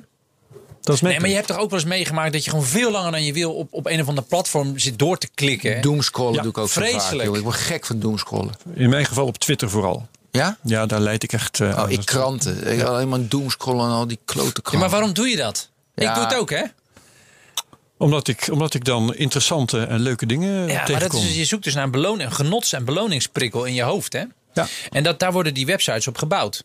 Om dat de hele tijd die Ja. prikkel te geven. Ja, en dat is echt Ja. iets anders dan rationele kennis van eh, ik weet dat er iets aan de hand is dat. Je weet het, maar je handelt er niet naar. Nee, maar, dat, maar we, we praten wel over verschillende dingen. Want eh, dit ging over, ehm, ik moet even terugbladeren, over, over nepnieuws. Hè? Ja, En, begonnen we eh, mee, ja. Nepnieuws. Ja, dit is meer persuasive technology en zo. En, en precies, eh, eh, herkennen van nepnieuws, eh, daar denk ik dan aan. En dat doe je door te kunnen beoordelen of iets wat je tegenkomt, of dat überhaupt waarschijnlijk is. nee, daar heb je gelijk Hè, in. Dat Als jij iets waar. leest over Hillary anders. Clinton, die deel uitmaakt van een kinderpornografie-netwerk, En de of kinderporno-netwerk, dan ga ik toch denken van nou, weet niet hoor, kan ik me dat voorstellen van Hillary Clinton? Strook dat met wat ik verder over haar tegenkom Ja. in de fatsoenlijke kranten die ik lees? Nou nee. En eh, dat is wat anders dan dwangmatig eh, Ja. door Facebook en Nee, Twitter in. inscrollen, Terecht onderscheid. vind ik. Dus dat. Ik vind dat Ehm, Herbert ook wel een keer gewoon dan... Dat je hem ook Ja, wel- nee, ja, nee, dat ook gelijk. wel een keer. Ja. ben je weer een tijdje van hem af. Nee, maar ik, ik, zoek, weet je, ik zoek eigenlijk nieuwe methodes die ik nog niet ken over dat bestrijden van desinformatie, over het doomscrollen tegen te gaan of niet Nou, tegen wat dacht te je gaan. van het, eh, het, het, het hele anonimiteitsdebat? Trollenlegers, anonieme posts. Dat is, is natuurlijk Ja. ook een, een, een onderdeel van, van nepnieuws en desinformatie. Dus ik, we hebben er al twee genoemd. Hè? eh, contentverantwoordelijkheid en die gepersonaliseerde advertenties. Die natuurlijk samen een, een perverse prikkel vormen. Of een ruimte geven om weg te kijken. Maar derde is natuurlijk die anonimiteit. Of je die niet moet eh, beperken. Nou, heeft Gordon eh, een paar weken geleden op, bij Jinek een keer wat over gezegd. Vond ik best leuk om te zien, dat item. Ja, dat is zou, je, interessant. zou je eens terug moeten. Je Ja, kan nou, Gordon ik- ook een keer voor de technoloog. Nee, ik vond, nee, nee, nee, nee. Maar ik vond het, het onderwerp is inderdaad interessant. Ja. Ook fu- fu- fundamenteel. Hij zegt, dus je moet altijd onder je eigen naam Ja. moet je lid, moet je je aanmelden Ja. bij een, een, eh, Daar is wat voor social zeggen. media platform. Er, er zijn trouwens hardliners op internet die vinden dat eh, van niet. Hè? Die vinden dat je Ja, nee, vele we- identiteiten moet kunnen aannemen. Ja, nee, maar. eh, Oh man, ik heb het allemaal meegemaakt. Ook eh, tien jaar geleden had ik al mensen die tegen me zeiden: Ja, Kees, illegaal downloaden is gewoon een nieuw verdienmodel. Is gewoon, is gewoon oké hoor, dat hoort er gewoon bij. En ook dit, deze discussie over de, de, de, de- het anoniem kunnen zijn, Ja. dat dat een recht is. Ja, voor klokluiders misschien, of voor, voor, Ja. voor bepaalde journalisten snap ik het. Maar come on, weet je wel. dan moet je iemand hebben die gewoon aantoont dat je, dat je op de een of andere manier recht hebt om. Net zoals dat je bij de, bij de van moet kunnen aanvinken dat je als ZZP'er niet wil dat je allemaal eh, Ja. eh, adressen, dat jouw adres aan iedereen Ik verkocht heb het volgende keer. eh, maar gewoon anoniem zitten te schelden. Ja, mag, mag ik je het volgende voorleggen? Ehm, ik heb ooit bedacht, ja, als anonimiteit voortkomt uit de techniek, dan is het eigenlijk slecht. Want dan kan het redelijk absoluut worden. Hè? Dan zit je op het dark web bijvoorbeeld, of, eh, of eh, je gebruikt Tor. Eh, dat heeft ook voordelen over klokluiders en zo, dat snap ik ook wel. Maar als het uit de techniek voortkomt, dan kan het redelijk absoluut zijn. Want die encryptie werkt tegenwoordig heel erg goed. Ehm, je kunt misschien beter anonimiteit slash privacy hebben die voortkomt uit regels. dan is het minder absoluut. Dan kun je het ook hebben. eh, maar als het gewoon in, in de wet staat dat en dan. Maar dan, is het dus, dan moet je aan een bepaald criterium voldoen, toch? Ehm, aan een, jazeker, dan kun je, maar dan kun je bijvoorbeeld ook zeggen dat er, dat er uitzonderingen op Ja, zijn. precies. Het is heel gevaarlijk terrein hoor, want voor je het weet, dan ben je dus bezig eh, de encryptie, eh achterdeurtje enc- encryptie te bouwen. Maar wat, wat, wat vind jij daar dan van? Nou, dat, dat, achterdeurtje in encryptie is natuurlijk weer dat je gaat bepalen wanneer je wel of niet iemands communicatie mag kijken. Ja. Dat is wel binair, want je kunt niet het achterdeurtje selectief gebruiken. Maar wat je wel kan doen, is inderdaad kijken of iemand een anonieme afzender mag zijn of niet. Kijk, nu mag iedereen een anonieme afzender zijn. En je zou kunnen nadenken over hoe kunnen we nou bepalen dat, Ja. dat heel veel mensen het niet meer mogen zijn. Want hebben dat- 95% misbruikt het en 5% zal het goed gebruiken. Ja. En, nu, dus, en daar kan je wel een niet-binaire oplossing zoeken. Ja. Terwijl bij encryptie kan je niet een niet-binaire oplossing zoeken. De kranten hebben eigenlijk alle kwalijke reacties op hun artikelen eh, weten uit te bannen. Ja. Door gewoon te eisen dat je al eh, abonnee bent om te mogen reageren. Ja, nou, en dat je dan onder eigen idee. naam reageert. Ja. Klaar, het hele probleem is voorbij. En ook, op- ik vind overigens, als je afhankelijk bent om iets naar buiten te brengen, of als je iets heel groots naar buiten wil brengen, dan zou je dat ook niet per se via Twitter. Dan zou je ook gewoon een, een website kunnen optuigen waarbij je dat doet. En dat is weer een hele andere sport Ja. dan die social media. hoek. Daar ben ik helemaal met je Nou, en, en dat is de discussie over. is het van. Twitter getrapt worden? Is dat censuur? Eh, is dat eh, in strijd met het recht op vrije meningsuiting? Mijn mening is dan nee, want je kunt nog steeds je mening vrij uiten, alleen Ja. niet op Twitter. En waarom heeft Twitter de plicht om jou dat, dat is ook zo. te Maar dan, dan faciliteren? kom je in die discussie van is Twitter een nutsfunctie? Ja. En, Ja. eh, Ja, ja. En wij vinden. Maar censuur is nooit bedoeld om anoniem mensen uit te schelden. Censuur is bedoeld om mensen de mogelijkheid te geven om tegen de staat. staat. Ja. Exact. En nu is het Ja, dus ja, ja. andersom, hè? Andersom. Alleen overheid Trump kan, is kan andersom. Hè? Die, wordt dus, die is de machthebber. Ja. Trump is niet degene die opschot. Nee, hij was de machthebber. Maar jullie raken nu een punt dat ik super boeiend vond, vind. Maar Nee, niet maar Oh. en, en, en. Want ik moet heel erg... Nee, waarom? Want nu kom ik er niet meer uit. We hadden hier ooit... Een, ik, ik verwij- het is wel leuk, als je er al 222 hebt gemaakt... verwijs je heel veel naar oude Tuurlijk, podcasts. Want ja, je wordt ja. alleen maar rijk. Oké, dat hoeven we niet meer te zeggen. Eh, Kijk maar naar die vorige. eh, er was een jongen hier. Het ging over de dark web. Onwijs interessant. En die had de stelling, en dat, dat neem ik constant met me mee. Een mens moet de mogelijkheid hebben om totaal te, vrij te kunnen denken. Ja? Wat je ermee doet en de gevolg is wat anders, want dan kan je mensen schaden. Maar als ik zonder digitale middelen in het bos loop, dan kan ik me uitkleden, kan ik schreeuwen enzovoort. Dat ziet niemand, dat, dat weet niemand, dat, dat, dat ben ik vrij. En hij zegt dat kan je in de fysieke wereld. En zo'n plek, en ik vond dat, die gedachte heel romantisch. En ik was het ook met hem eens, maar nu zitten jullie daar aan te, aan te zagen. morrelen, ja. Ik de, hij Ja. zegt dat moet je ook in de digitale wereld hebben. En daarom heb je dark web nodig, escri- eh, full encryption nodig. Want je moet je ergens vrij kunnen voelen. En ik bedoel, maar nu zeg jij, nee Ben, je moet, wil je dat kunnen, dan moet je eerst allemaal vinkjes hebben, dan mag je de, dat de, alleen. De, de analogie met de fysieke wereld gaat gek genoeg hier nu best wel een keer aardig wel op. Eh, je mag heel veel denken en je mag heel veel uitingen hebben in het echte leven. Totdat je daarmee schade toe eh, brengt aan anderen. Dat is toch wel een beetje de grens die we in onze democratische rechtsstaat hebben. Ja, nee, dat klopt, zijn de oude klopt. filosofische denkers Ja, die eh, mail en dat. Maar dat geldt natuurlijk op internet. Ik snap dit, dit, dit, dit, deze, deze hartekreet snap ik heel erg. Alleen dan, dan, dan heb je het probleem dat er dus mensen zullen zijn die er zoveel misbruik van gaan maken. dat het maatschappelijk een probleem wordt om iedereen die ruimte te Ja, gunnen. En, dan, en daar dus het zit het niet. spanningsveld. Ja. Nou, dus kan het totdat je er misbruik van maakt. Ja. Ja, nee, maar je moet fundamenteel, ja, je wilt door. Maar dit is echt een hele fundamentele. En we hebben ook nog maar 13 minuten. Ik wil alleen maar zeggen, 25 juli 2019, Marco Corradin, Ja. eh, Innovation Manager en Owner Techforce One Academy. Ja, die gast, jongen, dat was echt een verhaal. Nou, mooi. Ja, dus nee, maar, nee, maar ik wil nu wel antwoord hebben. Want je, je zegt eerst van je moet altijd, onder, net zoals Gordon zegt van... onder je eigen naam moet je je aan kunnen melden. Ja. Maar dat, dat is nu in discrepantie met wat je zei van... Nee, maar het is een discrepantie. je- Ik, denk dus dat er ergens een grens is, ook aan deze eh, eh, diepe menselijke behoeften. Er zit, er zit een grens aan. ja, elke dus je gaat op voor dit-. Op dit moment, omdat mensen er niet mee om, mensen kunnen er niet mee omgaan. Ja, loop ik maar Gordon dan, aan, ik ga dan denk ik eh, voor een middenweg die iets lichter bij Gordon dan bij deze meneer ligt. En wat Ja. is de middenweg exact? Nou, dat Want is nu dus moet je dat beleid ik- daar maken. hadden we het net over. Dat je dus onder bepaalde voorwaarden wel met, eh, met, dingen ja, mag. met die recht. eh, Ja, met ik zal koppelen aan een ander stokpaardje van me, eh, zwerfafval. Ah, heerlijk. Je- je- je Ga maar rustig achterover zitten. ja, we gaan het weer gelukkig Nee, hebben over. van die 13 minuten die ga ik niet opmaken. Maar je, je, je vindt allerlei shit op straat. Als eh, op elk eh, bierblikje stond wie het had weggegooid. Nou, dan lag het daar niet hoor. Oh ja. Dus eh, daar ben ik niet voor dat dat gebeurt. Maar eh, op zichzelf denk je van nou. eh, die vorm van vervuiling, ja, die bestaat alleen maar bij gratie van het feit. Dat, de mensen die het op straat flikkeren of in de natuur flikkeren, daar, dat anoniem kunnen Ja. doen. Er is gewoon niet over. Mijn, mijn vrouw roept dan wel eens van, nou, stond er maar een camera. Maar ja, dat moet je ook niet willen. Nee, dat moet je wel tegen de zeggen dan ook. Oh, we hebben zo grappig bij ons in de straat. Wij wonen in echt zo'n volksbuurt achter het station in Amersfoort. En dan ga je bij ons eh, de hoek om. Kees en is dan kom altijd je, echt in kom je echt in zo'n straatje. En daar hebben ze dus allemaal camera's opgehangen. En laatst had er een of andere hond had ergens eh, gepoept op een plek waar niet mocht. En toen hoorde ik die man in de stad zeggen... Zo, we gaan gelijk eens even de camera aanzetten. ja, ik moest echt keihard lachen. Ja. Toen dacht Ja, ik, nou, nee, ik hoop niet dat, wij daar een keer... eh, nee, precies. Oké, goed. Goed, volgende. 10. Discriminatie. Technologie is niet neutraal. Klopt. Mooi.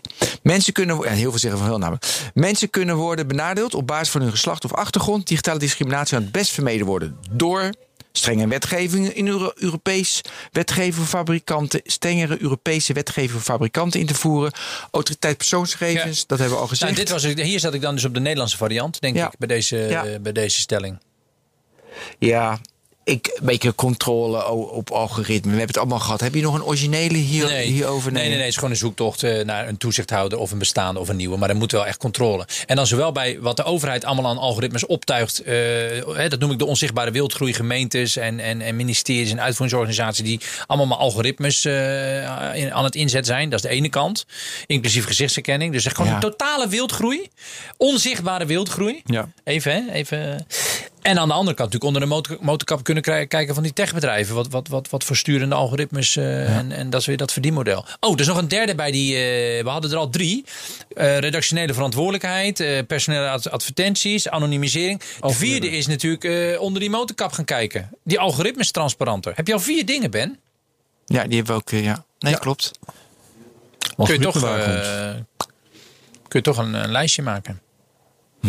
Ja, maar we roepen dit best al wel Ja, twee, is drie nodig. jaren. Is nodig. Blijf Hebben we ook heel lang opknippen geroepen. Is ook dichterbij gekomen. Ja. Het opknippen op basis van mededinging. Is, is dichterbij gekomen. Nou, Jawel. waar dan? Als jij een... Ik geloof er helemaal niet in. Nou, hoef je niet zo eh, zacht te zeggen. eh, Nee, maar waar is het dan dichterbij Valt het gekomen? meer op. beleidsmatig. Ja. Beleidstechnisch. Als je in Nederland een topambtenaar bent, zit je bij Financiën. Als je in Europa een topambtenaar bent, zit je bij mededinging. Zit je, zit je bij Verstager. Dat is de hot eh, policy team in Europe. Hè? Ja. Eh, om even een Dat zijn populaire de- de rockstars. Dat zijn de rockstars of, eh, of, of policy. Zij zijn echt vergaand aan het uitdokteren hoe het mogelijk is om op basis van mededinging fusies te verbieden en, en delen weer af te knippen. Ja. Is gewoon dichterbij gekomen. dat- en dat- is- ja, geloof jij ik. denkt een beetje zwart-wit nu. Het is er nog niet, dus is het niet dichterbij gekomen. Nee. Maar dat is niet zo. Nee. Je kan dichter bij de eindstreep zijn, maar nog steeds niet eh, eh, de beloning hebben. Je komt dichter bij de eindstreep. Ja. En dan wordt, ja. Maar ik moet het nog zien dat Europa voor elkaar krijgt dat Amerikaanse bedrijven worden opgeknipt. Dat is nog een tweede, maar Europa heeft al invloed in Chicago of eh, in eh, Florida of eh, nee, ik moet die andere staat zeggen, Californië, Californië. eh, Chicago, Californië en Florida. We gaan heel, we gaan met mij gewoon de Verenigde Staten even door. Maar ook Japan, die nemen allemaal wetgeving Ja, over ja. van de AVG. Dat is een feit. En dat feit, betekent ja. dat Europa invloed heeft. Eh, hebben ze ook. Maar een bedrijf opknippen, daar moet toch... eh, Nou, we zullen zien. wanneer is het Ik denk, ja, maar in de, in, de, in, de, in de Amerikaanse Senaat zijn ze ook boos op, eh, op de macht van Facebook. Ja, dat is een Zijn feit. ze ook ja. aan het nadenken. De eh, FTC, Federal Trade Commission. Die zijn ook eh, stevig bezig als, als, als toezichthouder om te kijken naar, naar de macht van die, van die bedrijven. Is echt wel wat aan het veranderen hoor. Nee, dus oké. oké. Maar ja, dan kon mij een jaar geleden nam Google weer een bedrijf over. En dan had, het, had de mededingen al toch weer toestemming. Ja, daar heb je gegeven. gelijk in. En iedereen wist, ik weet niet meer welk bedrijf het was, daarom kwam ik er niet op. Maar ik Toen weet, ja, ik weet nog dat ik daar wat over Twitter kreeg. Weer allemaal gelijk Ja. van die mededingingsadvocaten. Dat het echt allemaal heel goed gecheckt Ja, was. Toen hoor. dacht ik, ja, volgens bestaande kader is het natuurlijk prima. Want ze wegen geen datamacht mee. niet, ja. Nee, jongen, jongen, jongen. Online privacy, we zitten op 11. Herbert, het kan voorkomen dat online persoonsgegevens gestolen worden of onbedoeld op straat komen te liggen. Het misbruik van persoonsgegevens kan het best voorkomen worden door. Ja, maar dan gaan we aan Kees vragen. Hè? Ja, veel betere datahuishouding. Dat is het GGD-lek. Dus je moet gewoon. Dat is low-tech. Dus iedereen denkt altijd high-tech, maar dit is low-tech. Je moet gewoon je, je hele procedures op orde hebben. Dat zag je bij het GGD. Ja. Er is logging, alleen we, we controleren de logging niet. Ja, dan, dan heeft het geen zin. Ja. Dus Ja. die, zit die low-tech erbij? Ja, die zit erin. De- Dus databases met persoonsgegevens te evalueren en wetgeving rondom dataverzameling te handhaven. Onder andere door de autoriteit persoonsgegevens. In die hoek zit die. Oh, ze hebben ook recht om vergeten te worden. Minder te focussen op het eigendom of de handel voor uw data. Het gaat Burgers erom. hun wat- eigen data te laten beheren. Ja. ja. Ja, Is wel, een- dat is eigendom van data. Kun je ook eh, drie, drie technologen Ja. podcasten mee, Nou. mee vullen. Nou, Nou, ingewikkeld. ja, nee. Ik, weet, je, wat- Deelbaar. Dus lastig om eigendom vast te stellen. weet je dat ik daar trouwens een beetje van af ben? Want ik, ik, het is een beetje een utopie. Mensen zelf hun data beheren. En je hoort het Nee, nog dat- steeds elke keer in elk zaal. Ja, Iedereen, maar- er staat altijd iemand op. Ja, En maar met een soort goed, bedoelde briljantie Ja, maar van ja, maar we moeten het. gewoon allemaal eigendom van onze data worden. Ja, En dat dan- kunnen mensen dan- helemaal niet, Dat is toch niet eh, makkelijk. mensen kunnen het helemaal niet. Dus toch meer die handhaving. Ja. Keuzevrijheid, nummer 12. Het is mogelijk om microchips onderhuids te injecteren. Mooi! Zo kunnen we in de toekomst onder andere lichaamsfuncties gemeten worden. Het is belangrijk dat onderhuidstechnologie in de toekomst Verplicht wordt. Verplicht wordt. Toch? Kom op mensen, zo kan, te- zo kan technologie nog beter bijdragen aan een gezonde en Gewoon, veilige eh, samenleving. tegelijkertijd met de vaccinatie. vaccinatie. Nou ja, je zegt het niet voor niks. Ja. Je zegt het niet voor niks. Een vaccinatie is natuurlijk wel iets wat, wat verplicht gaat worden. Eh, je kunt, althans, daar wordt nee, gekopt. Nee, niet, verplicht, maar wel voorwaardelijk. Dus als je niet gevaccineerd bent, ga je wel nadelen krijgen. Is in ieder geval Ja, wat, volkomen D66 logisch. en, en, en Ja. Kaag in het debat heeft gezegd. Ik stond daar volledig achter. En eh, anders zou ik het ook best zeggen. Je, je mag ervoor kiezen, maar het heeft wel gevolgen. Ja, je kunt niet zeggen van ik onttrek me aan alles en eh, kijk mij eens, weet je wel. Dat, dat kan niet. Dan, dan, dan moeten we helemaal alles. En dit, ja. Nu klinkt dit als iets wat ik zeg nee, nee, nee, absoluut niet. Maar ja, eh, wie zegt niet dat we over twintig jaar vinden. Maar goed, er zijn nog drie verkiezingen. En dat het asociaal andere. is om die microchip niet te nemen. Ja.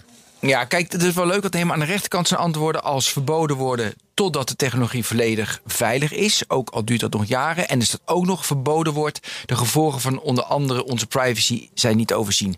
Als ik nu moet kiezen, want ik deed net even, zou ik helemaal rechts gewoon nu verbieden. Ja. Je kan het nu niet overzien. En dan kan, je kan het altijd nog over via toestaan. Nou, daar ben ik dus Hey, gewoon eh, geheel met je eens. Kijk, weet je, politici hebben. Je, je hebt ongeveer drie, vier dingen die je als politicus kan doen. Je kan het, je kan het stimuleren en aanjagen, dus een ontwikkeling versnellen, Ja, geld kansen, erin stoppen. kansen. Ja. Kansen, kansen. Je kunt het eh, bijsturen en afremmen. Dat is een beetje de, de, de, de, de- dat je zegt van nou, we moeten de bocht door, maar we moeten even een beetje af en een beetje bijsturen. En je kan iets gewoon keihard begrenzen. Gewoon doodlopende straat. Nou, ik vind dus bij bijvoorbeeld bij algoritmes, maar bijvoorbeeld bij dit ook, zolang je en ook bij stemmen met eh, digitaal stemmen, eh, dat zijn voorbeelden van het werkt nog niet, dan moet je het gewoon niet doen. Ja. En hier geldt, verzekeraars die nu weer allemaal gaan kijken of ik in mijn, in mijn Tesla-auto, ik heb geen Tesla, maar stel ik een Tesla heb die gekoppeld is aan het internet, of ik bepaalde snelheden heb, of dat ik genoeg appels eet, of wat hadden ze nou laatst, hoeveel stap je op je, op je nou ik loop echt elke dag 20.000 stappen, fluiten. Eerst bewijzen, anders En, geloof ik het en niet. ik ben, eh, nou ik laat het je zo zien. en, eh, en ik doe dat niet om te bewijzen, maar vind ik gewoon heel fijn. Ik heb het nodig. Maar ik, ik vind het geen leuk idee dat mijn verzekeraar me dan een paar eh, kortingsbonnen gaat geven. Oké. Nee, maar moet je daar niet voor kunnen kiezen dan? Nou, als je ervoor kiest, dan is het dus ook een nadeel voor degene die er niet voor kan kiezen. Dus dan ben je toch die tweedeling in de samenleving aan het creëren. Ah, ja. Ik vind het echt een lastig punt hoor. Ja. Solidariteit is nat- natuurlijk wel de basis van het verzekeringssysteem. Ja. ja. Er is eh, ook zo'n verzekeraar, ik ga nu geen namen noemen, die eh, speciaal eh, werkt voor ehm, academici. Ja, en is een mooie laag risicogroep, weet je wel. Ja, Zowel voor gezondheid Dat, als is, voor dat blijkt onderzoek. Ja, dat, dat- ja. Weet je wat het nu is? Nee, dus ook niet voor. We zitten op 13, we moeten even die laatste vier er doorheen beuken. Maar we zijn het te veel met elkaar eens, vind ik. En Oké. dan kan je een Dat nadeel omdat wij hier over praten als intelligente mensen. En dan worden we het eens. Nee, ja, nee, maar ik, weet je, ik, Ik heb trouwens iets anders aangekruist dan Kees in de vorige hoor. Oké, maar straks komt je uitkomst. Eh, maar dat vind ik best wel ook jammer. Weet je, ik heb nu, want ik weet gewoon dat er mensen zijn die zeggen van, eh vooral die, eh, die, die live hackers en eh, hoe heet ze allemaal. Die hebben het Ja. ook hier gehad. Weet Ja, je, die Peter zeggen, Joosten. Peter Joost, eh, ga maar door, het moet wel. Weet je, dus maar ook Martijn Wismeijer, iemand die we bij de Cryptocast wel eens hebben, die een, een Bitcoin wallet in zijn pols heeft Ja. geïmplanteerd. ja, maar dat, Als je dat leuk vindt. Ja, maar goed, het is misschien ook het risico als je iemand van, eh, ik bedoel, ja, van D66. Ik ben ook relatief vaak wel dat ik ergens op zoek ben naar een soort van nuance die wat saaier is bij dit onderwerp. Dat heb ik wel geleerd met technologie, dat allemaal die absoluties gewoon niet werken. Nee, hè? En de grijze gebieden zijn zijn nou eenmaal zo belangrijk. Want die uiterste, dat snappen we allemaal wel. Ja. Maar die grijze gebieden, dat is het zoeken en het sleutelen. En dan krijg je vaak hele suffe discussies. En dan pakt iemand weer, ja, maar stel je dan dan dit? Of aan de andere kant stel je dan dan dat? Ja, en dat, dat is dan wel waar. Maar daarmee heb je nog niet het probleem opgelost. Oké, we moeten die vierde doorheen beuken. Massatoezicht. Massatoezicht. Eh, camera's in de openbare ruimte voor opsporing en beveiliging. Vaker Gezichtsherkenning, voorzien van ja. gezichtsherkenning. Allemaal nee, hè? Nee, moeten we echt niet aan. Strenger gecontroleerd, Europese wetgeving, privacy Maak ook fout, hè, die systemen. Ja, joh. Belachelijk. Ja, ja. Dus die is makkelijk. Heb, het, heb je hem aangeklikt? Eh, strenger gereguleerd, strenger gemonitord. Helemaal Volledig verboden, midden in de volledig verboden. Ja, worden. volledig verboden. Af. Eh, macht. eh, grote techbedrijven zoals Apple en Google hebben veel macht. Die hebben we het heel erg over gehad. Eh, kan het best beperkt worden door... Op te breken. Ja, opknippen. Ja, heb je hem? Ja, dat vind ik. Volgens mij, eh, Ja. geloof- jullie, Ja, nou, we waren het helemaal nee. niet zo eens. Jij zit de hele tijd zo. nou, Nee, eh, het nee, schiet allemaal niet op. en eh, tut, tut, op, Kees. op. En ik weer uitleggen, Ik je bent ben- nog niet bij de, bij de streep, Ben. En jij, nou ja, maar ik Nee, het schiet nog- niet op. Ik zie hem nog niet binnenkomen, weet je wel, die marathonloper. ik ben een ongeduldig mens. Oké. En jij bent een geduldig mens. En je valt hebt wel mee, tien hoor. jaar volgehouden daar in Den Haag. Ja, maar dat heeft niet met mijn geduld te maken gehad, hoor. Waarmee dan? Nou, een soort van meer weerbaarheid of een soort incasseringsvermogen. Dat je weer zo'n vergadering en weer wachten. En ik ben er nu ook wel met dat syst- systematische werk van klaar. Het is een keurslijf. En ik, ik, je, je merkt gewoon dat je op een gegeven moment op een soort moment komt dat je denkt, ja, nu zit ik weer tot twee uur s'nachts te wachten. Of, wel, of meneer Wilders wel of niet een, een motie van wantrouwen indient. En ik kan weer niet naar huis. Ik zit weer in een hotel te wachten. Ik zit weer. Op een gegeven moment ben je er zo klaar mee met dat zinloze aspect van het werk. Ben je er Hmm. een beter mens van geworden? Nee. Echt een slechter mens. Nee, dat niet. Ik ben wel een beter. Hé, hey, maar nou, dat is grappig. Ik, ik, ik ben niet. Het is leuk dat je dat zegt. Ja, jij ben je jij, beter jij, mens gaat niet, geworden? jij, jij, doet niet de slechte weg, maar jij doet, het, jij doet de uitkomst. Ik denk dat ik wel een beter mens geworden ben de afgelopen tien jaar. Maar Maar niet door de Tweede Kamer. Ah, ondanks de Tweede Kamer. nou, misschien. Ik, maar ik denk niet dat Maar ik. doe het dan wel. Ik bedoel, Nou, ik, ik heb eh, afgelopen vijf jaar eh, gescheiden, nieuwe partner. eh, heel erg moeten kiezen voor het opvoeden van mijn kinderen, co-ouderschap. eh, bepaalde verantwoordelijkheden meer nemen. eh, offers plegen. Ik denk dat ik daardoor, daar heb ik wel echt hard naar mezelf moeten kijken de afgelopen jaren. En daardoor denk ik dat ik misschien ietsje beter. En de levensjaren, gewoon 10, 11 jaar ouder. Ik denk dat dat ook gewoon helpt. Ja. Ik ben wel wat rustiger geworden. Dus in die zin ben ik misschien ietsje, ietsje, ietsje. Maar niet door de politiek of zo. Of dat ik het land gediend heb. Nee, ik heb dat gedaan. nee, maar dat is wat je dat toch zegt. Van, nou, nou, ik heb jaren het land gelooft gediend, beste mensen. Nou ja, je doet het ook omdat je het gewoon leuk werk vindt. Omdat je houdt van debatteren. Omdat het wat je- oplevert. Ja. ja. Oké, macht, die hebben we ook gehad. Heb jij hem al goed aangeklikt? Europese wetgeving ja. mogelijk. Maar ik heb, zit Ja, heel ja, erg ja. op de DSA en de DMA-wet. dus, dus, Zou je daar nog iets over kunnen vertellen, over die twee eh, wetten? nee, want daar hebben we al zo vaak over gehad. Ik ga het er niet meer over hebben. Ik ben er helemaal zat, die wetten. Nee, maar de- we gaan het wel volgen. Want het is heel interessant en heel goed. Europa. Veel Europese burgers maken gebruik van technologieën uit onder andere Amerika, China, WhatsApp, AliExpress. Ja. Concurrentiekracht van de eigen industrie, het best versterken door. Ja, dat is een, dit, deze hebben we nog helemaal niet gehad. Nee, het is echt nieuw. Er zijn drie grote problemen.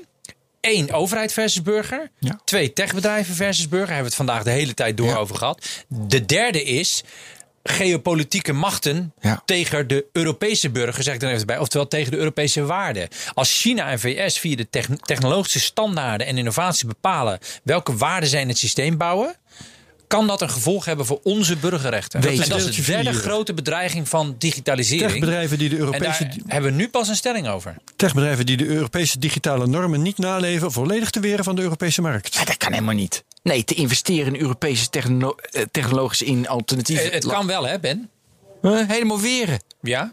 Het Nou- kan, ik ben niet voor die oplossing. Ik ben voor een sterkere eigen industrie. Ja. Maar dit is wat iedereen ook altijd tegen mij zei toen ik een keer een voorstel heb geschreven over mededinging. Twee jaar geleden, drie jaar geleden. Ja, ja, ja. Het opknippen. Hè? Dus het opknippen mogelijk maken via mededingingsrecht. Nationaal Europees. Heb ik een voorstel over gemaakt in de Kamer. Dus, oh jongen, ik mocht, ik mocht het over komen vertellen. En elke journalist. Ja, dat kan toch niet? We kunnen toch niet Facebook van de Europese markt weren? Dat is een gekke stelling. Want we kunnen wel allerlei Chinese Barbiepoppen met slecht ingebouwde internetverbindingen Ja, van de markt weren. Ja. Kom on. En- ja, we China doet wel- het we ook. zijn de grootste markt. Dus het enige wat we nog hebben is onze markt. Dat we interessant zijn voor, voor bedrijven om hier ons.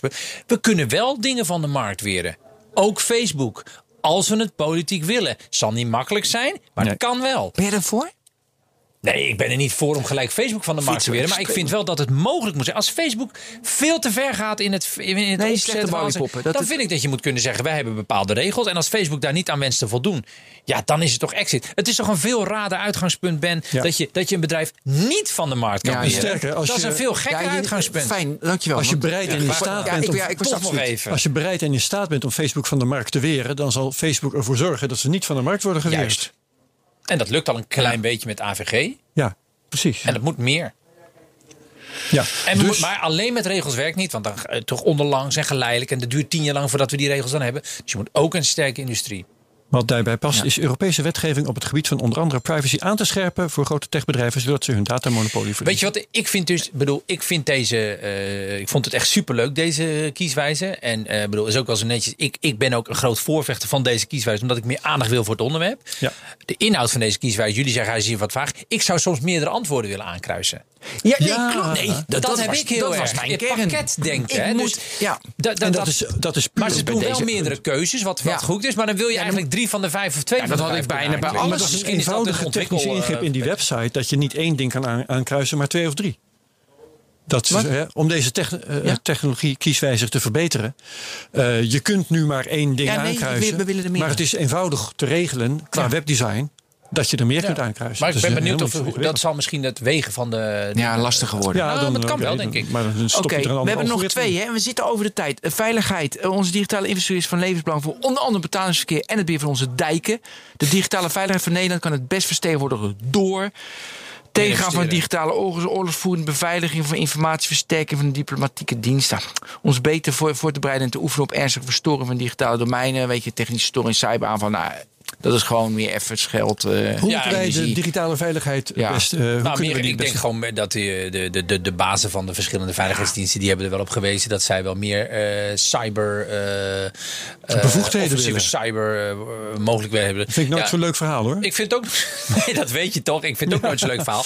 Maar laat ze dan in ieder geval wel in staat zijn... om, om defensief gewoon wel echt hun, hun mannetje te kunnen staan. En dat kan niet als we daar steeds maar Ja. minder geld in stoppen. Dus Nou, dat bleek onlangs ook uit een stuk in de New York Times trouwens. Het ging over Amerika. Maar dat eh, de, de- dit soort diensten vaak te veel denken aan eh, offensieve activiteiten. En daarbij vergeten dat eh, defensieve activiteiten ook belangrijk zijn. Case in point. ehm, het beheer van zero days. Zag je dat? Eh, wil je die nou bewaren om eventueel bij anderen te kunnen hacken? Ja, of wil je die juist eh, bekendmaken en aan de makers van de betreffende software geven, zodat de gaten worden gedicht? ik heb deze, deze strijd heb ik verloren, hè? ja. Want ik had een wet die, gemaakt. die wet ook weer. Ja, de wet op de zero days, afwegingskader zero days. Dus ik had een, een, een wet gemaakt die ervoor zorgt dat je goed nadenkt over het wel of niet bewaren van die onbekende kwetsbaarheden. Omdat je aan de ene kant, je wil ze gebruiken om boeven te vangen, om even plat te zeggen. En aan de andere kant kun je je hele digitale infrastructuur opengooien zoals bij NotPetya is gebeurd. Juist. Omdat de NSA is niet goed bewaard. Hè? De Amerikaanse veiligheidsdienst had even een, een, een zero day niet goed bewaard. Nou, veiligheid versus veiligheid, super ingewikkeld. Dus ik een wet gemaakt, jaren mee bezig geweest. eh, samen met Marijn van Vliet, met wie ik echt eh eindeloze discussie rond de tafels, iedereen gevraagd. En het kabinet kon geen standpunt bepalen. Dus het kabinet durfde niet eh, bij de behandeling van mijn wet te zeggen van we vinden het een goed idee of een slecht idee. Want de AIVD vond het een beetje oké. De opsporingsdiensten vond het verschrikkelijk. Defensie had geen zin om D66 wat te gunnen, want de CDA-minister. Dus uitstel, uitstel, uitstel. Ja, maar even lachen, het is vreselijk. Uitstel, uitstel, uitstel. Uiteindelijk heb ik het gewoon door de, door de eind van mijn termijn... heb ik hem nog wel behandeld. Nog een derde termijn, nog een aanpassing gedaan om het iets af te zwakken. Niemand durft nu ero- durft ervoor te stemmen, omdat het kabinet verdeeld is. En dan zeggen alle partijen: we hebben er geen verstand van. We volgen hier toch een beetje het kabinet, want die Ja. hebben we. En we gaan het niet doen, voeven. En wat hebben we dus? Eh, misschien wel over een paar jaar een, onge- een ongebruikte zero of een ongemelde zero day. Ja. Eh, die dus ergens rondzwerft en door een eh, bad, bad guy wordt, eh, of girl, bad girl wordt gepakt en eh, wordt gebruikt. Ja.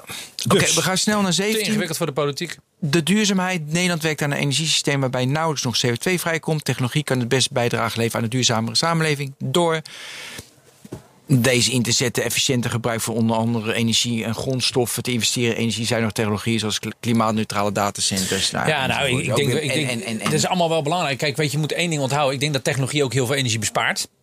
En dat zou je eigenlijk ook wel eens een keer in kaart moeten brengen. Want hoeveel minder auto's rijden er door al die datacenters, weet je wel? Aan de andere kant, eh, die datacenters moeten natuurlijk wel gewoon op een, op een goede manier tot stand komen. En verantwoordelijk beleid voeren. En, eh, en in, in, in hoeverre dat gebeurt. Uh, je ziet dat er met name op gemeentelijk niveau daar veel discussie over is. Ja. Maar we hebben, we hebben internetservers, kabels, kasten, draden Nodig. nodig. Oh, mag ik nog even een vraag stellen aan jou? Eh, de, de, de vraag, ja, er worden allemaal datacenters ge- gezet in Noord-Holland en ook in Flevoland. En dat daar alle groene energie gaat daar naartoe. En de NRC is een hele, hele actie begonnen dat het schandalig is. Wat, en naar mijn idee is het, een- heeft een waarde als je als land, eh, weet je, fundamentele infrastructuur beheert. Gewoon Ja. op een datacenter staan. Want je hebt de politieke Dat- macht. ja, je hebt de, Dat eh, lijkt me. ja, maar dat wordt niet meegewogen. Nee, maar het is super ingewikkeld weer. Aan de ene kant zegt Nederland, we willen een, een koploper zijn, digitale koploper. En we willen ook een groene koploper zijn. Ja, dan heb je alweer twee uitersten. De groene koplopers zeggen ja, eh, datacenters slurpen energie. Maar ja, digitale koplopers zeggen ja, als wij de datacenters niet in Nederland hebben, dan gaan ze naar België of Frankrijk. Zie je nu ook met de zeekabels gebeuren. Zeekabels worden nu in toenemende mate naar de Franse kust getrokken. Nederland verliest met Amsix. We stonden jaren geleden allemaal te klappen voor Amsix. Wow, we, zijn, nu, nu, we zijn het aan het verliezen. Is niet goed, want het is een onderdeel van de vitale infrastructuur. En het is een machts, machtspunt voor ons land. Het, heeft namelijk, het geeft invloed en controle. En ook wel iets aan werkgelegenheid. Maar vooral het feit dat je gewoon dat Ja, knooppunt hebt. ja, dat is goed.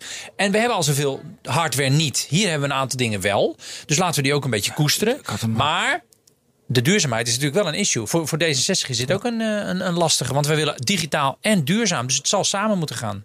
Ik eh, zou er hier wel drie willen aankruisen. Hè. Eh, technologie kan het best een bijdrage leveren aan een duurzame samenleving. Door één, deze in te zetten voor een efficiënter gebruik van onder andere energie en grondstoffen. Hoe kun je daar tegen zijn? Ja. Twee, te investeren in energiezuinige technologieën zoals klimaatneutrale datacenters. Hoe kun je daar tegen zijn?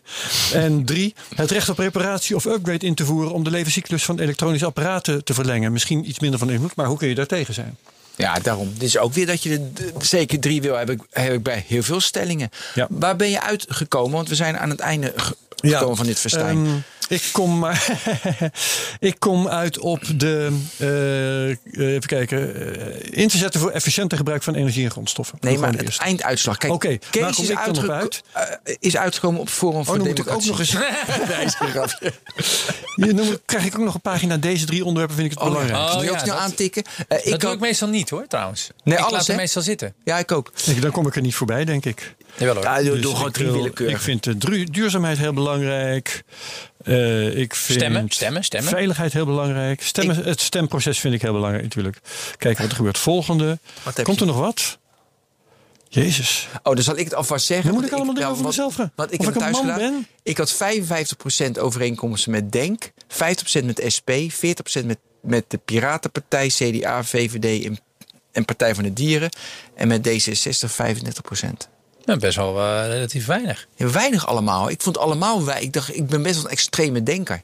De, eh, denk, ja, denken. Maar, Ja, nee. eh, maar het is, het- kijk, dit doe je natuurlijk alleen maar als oefening van je geest. Van waar sta je, wat wil je. En, eh, en Ja, ik, dat vind ik het leuke van, van, van, Ja, van het eh, laat dat, je dat, je, dat je over 17 keer aan het nadenken bent over issues.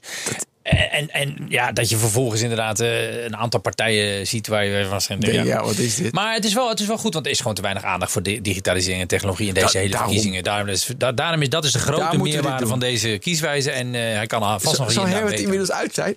Ja, ik, eh, ik kom uit bij de Piratenpartij. Mooi! Dat is grappig. Ja, die heb ik op drie, maar mooi. Ja. Ja. Daar ben ik niet ontevreden over. Nee, dat is fijn.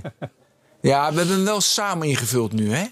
Ja, maar ik heb, ik heb Wel- wel, wel behoorlijk op sommige gevallen, eh, in sommige gevallen dat Kees eh, overtuiging X Ja. had, had ik een andere. Dus het is wel mijn, ja, maar eh, je heb je andere hoor. prioriteiten. Ja, dan gaan we heel veel dingen analyseren. Nee, Ja. ik ben blij.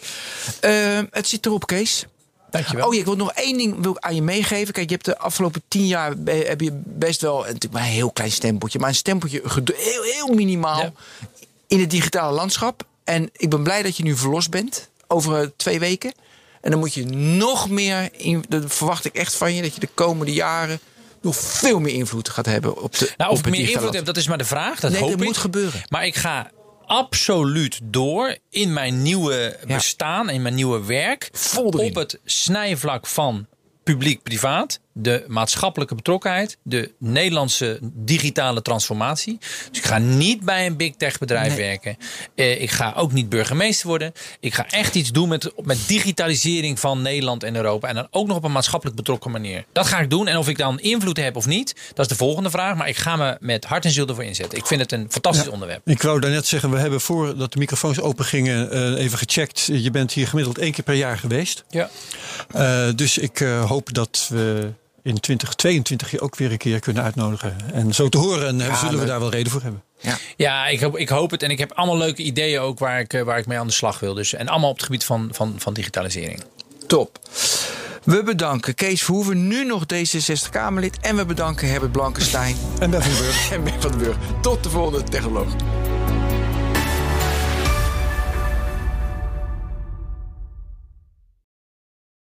Ook Liesbeth Staats vind je in de BNR-app. Ja, heel handig. Luister live naar Kees en mij tijdens de Daily Move. Dan blijf je ook gelijk op de hoogte van breaking news en het laatste zakelijke nieuws. En daar vind je ook alle BNR-podcasts, waaronder de Perestrooikast. Download nu de gratis BNR-app en blijf scherp.